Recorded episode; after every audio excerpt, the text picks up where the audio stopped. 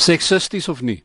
Ja, uit die uit die aard van die saak is dit seksisties. Ehm um, ek dink ons moet net gaan kyk wat in die parlement aangaan. Ehm um, ek dink daar is 'n aanvaarbare vlak van ehm um, uitjouery of soos hulle dit Engels noem heckling. Maar dat vroue op 'n spesifieke manier ehm um, bespreek word in in ehm um, aanmerkings uh, tot vroue gerig word uh, is is 'n bepaalde probleem want ek dink dit word nie op dieselfde manier aan mans gedoen nie. En die feit dat daar gewig 'n uh, 'n kwessie was en die feit dat sy dat haar smaak in klere ehm um, ook uitgesonder is. Dit word nie gedoen vir mans nie. Ehm um, en ek dink daar is 'n bepaalde waardigheid wat noodsaaklik is in die parlement wat in die laaste tyd heeltemal ondermyn word in terme van die uh goed wat wat mense sê op die vloer en dat die spreker nie altyd um konsekwent is in hoe hoe hy dit hanteer nie. Maar ek dink dit is spesifiek gerig um om vrouens te ondermyn in terme van hulle hulle geloofwaardigheid. So dit gaan nie oor wat hulle sê nie, maar dit gaan oor hoe dit lyk en dit is 'n objektivering um van vrouens. Ons praat van 'n party wat uh, oor die afgelope 20 jaar hoog opgegee het oor die regte van vroue uh, wat homself voorgedoen het ook en wat nogal sterk werk ook daarvoor dat hy wil byvoorbeeld 50% vroue verteenwoordiging in in sy uitvoerende komitee ensovoorts. Uh skynheiligheid Ja, dus, ek meen die die ANC het, het 45% uh wat daar 45% vroue in die in die parlement in meeste van hulle in in die ANC. Ehm um, ja, ek ek dink dit is 'n uh, 'n dubbele standaard, maar die vroue in die ANC word ook uitgesonder. Ons moet nie vergeet van Angie Motshega se onderklere hmm. wat in 'n ehm um, optog gebruik is omdat mense ontevrede was met haar dienslewering nie. Ehm um, dit is ook totaal on, onaanvaarbaar. Uh, maar ek dink wat gebeur is dat vroue self spreek hulle nie uit oor hierdie situasie nie.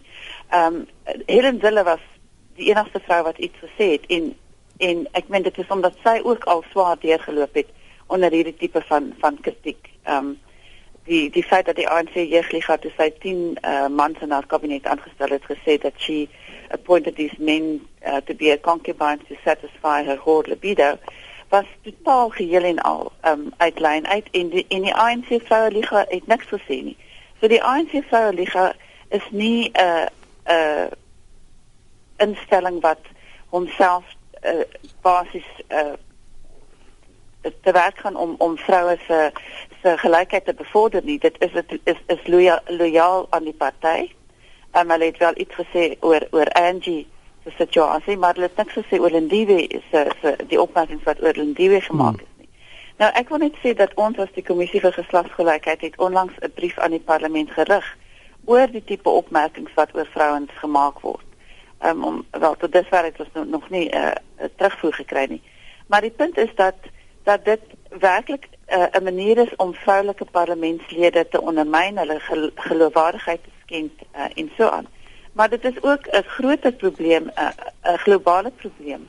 As ons gaan kyk na ehm um, Julia Gillard, die uh, eerste hmm. minister van van Australië. Sy loop gereeld deur. Ek meen verlede week was daar 'n berig in die koerant oor uh, die oppositie in Australië het het 'n um, ete gehad en op die spyskaart was daar die kwyl gewees wat die die Julia Gillard kwyl wat gesê die die die gereg het klein borsies en groot duie. Nou dit was definitief 'n verwysing na na hmm. haar gewees. En ek was 2 weke terug in Australië toe ek met kollegas daar gepraat wat sê dat hierdie goed gaan die hele tyd aan. Dit is wat ons noem uh vroue haat, uh, misogyny, um in die sin van die goed wat gesê word oor vrouens um wat in uh politieke posisies is. En ek dink dat dit wys ons net hoe hoe moeilik dit is vir mans uh om te aanvaar en nie net vir mans nie want daar's ook vrouens wat ander vrouens afdraak. Uh maar om te aanvaar dat vrouens 'n gelyke rol in die politiek speel en kan speel. En en 'n manier om hulle dan soort van in hulle plek te hou is om hulle soort van te verklein nie. Is dit nie uh, net een van die simptome van 'n van 'n breër uh, selfs 'n breër probleem nie want ek ek kyk nou jy het nou verwys na Julia Gillard ons het nou ook die afgelope week uh die voorval gaan in die radio onderhoud uh, waar hulle die die radio onderhoudvoerder uh, mening uitgespreek het oor die seksualiteit van haar haar maat, haar lewensmaat. Ehm um, op bloot op grond van die feit dat hierdie man 'n haarkapper is. So uh, dit wil vir my voorkom selfs in 'n land soos Suid-Afrika waar ons onsself roem op 'n hierdie wêreldklas uh, grondwet uh, waar daar allerlei goed op openbare in openbare fora gesê word oor gelykheid en verdraagsaamheid uh, dat daar tog 'n baie sterk onderliggende stroom is van mense wat eintlik maar net lippetaal bewys aan hierdie tipe ding maar wat in elk geval nie net seksisties is nie maar bou ook homofobies en al hierdie ander probleme wat ons het uh, wanneer dit kom oor seksualiteit van mense. Ja, jy weet ek dink dat ons aanvaar as ons sê goed is op skrif, né? Daar's 'n grondwet en daar's handelsregte en gelykheid word daarin ehm um, aangespreek en so aan. Beteken dit nie dit is wat mense se houdings is nie. Ehm um, houdings teenoor vrouens en hoe mense dink oor vrouens en ook oor mans is 'n proses van sosialisering. En as mense nie gesosialiseer word dat dat almal as ons sê almal is gelyk en dan gaan dit ook gepaard met waardigheid en menswaardigheid.